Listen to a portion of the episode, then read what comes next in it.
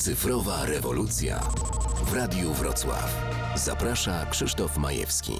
Mówię do Państwa z MP3.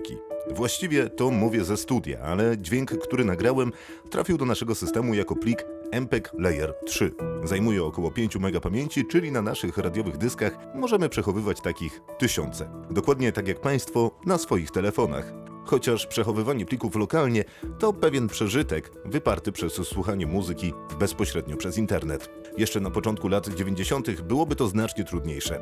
Nagranie musiałbym wykonać na taśmie. Wszystkie bł- błędy, zająknięcia literówki wyciąć fizycznie, przycinając taśmę.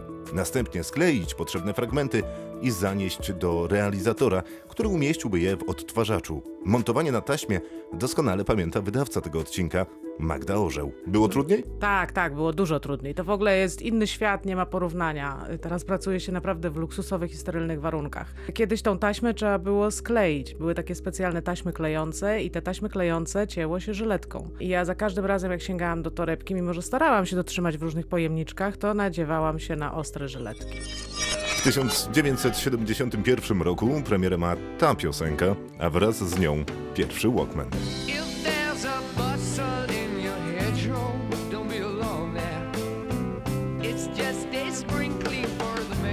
Na początku był Walkman, czyli odtwarzacz na kasety. Pierwsze takie urządzenie trafiło do sprzedaży w 1971 roku. Walkmanem zwyczajowo nazywamy wszystkie kaseciaki, chociaż jest to znak towarowy należący do Sony. Ale też w Stanach wprowadzono go pod nazwą Soundboat, w Szwecji jako Freestyle, a w Wielkiej Brytanii otrzymał miano Stowaway. Tak jak w przypadku wcześniejszych płyt winylowych, tak i kasetę, którą wsadzaliśmy do Walkmana, musieliśmy odwrócić, jeśli chcieliśmy posłuchać drugiej części albumu. Sony introduces the only cassette player as small as a cassette case. The incredible sounding Super Walkman. Później dodano jeszcze funkcję Auto Reverse, dzięki której nie było trzeba odwracać kasety. Nie rozwiązało to jednak problemu spadającej lub zacinającej się taśmy, którą najlepiej przewijało się ołówkiem z gumką. Pomysł na Walkmana wykiełkował w głowie jednego ze współzałożycieli firmy Sony, a marzył on, aby słuchać arii operowych podczas długich lotów samolotem. Ponoć wszystko się udało, Walkman działał, a kaseta grała pięknie, poza tym, że baterie wyładowały się w połowie lotu nad Pacyfikiem.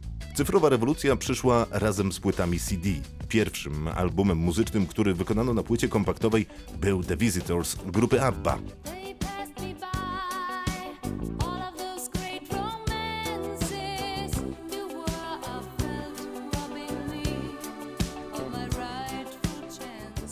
Na płycie CD można było umieścić więcej muzyki, a kolejne udoskonalenia pozwoliły nawet na usuwanie i ponowne zapisywanie plików. O rewolucji w słuchaniu muzyki dzięki formatowi MP3 opowiem za tydzień. Wszystkie MP3 cyfrowej rewolucji umieściliśmy na radiowrocław.pl i wszędzie tam, gdzie słuchają Państwo podcastów.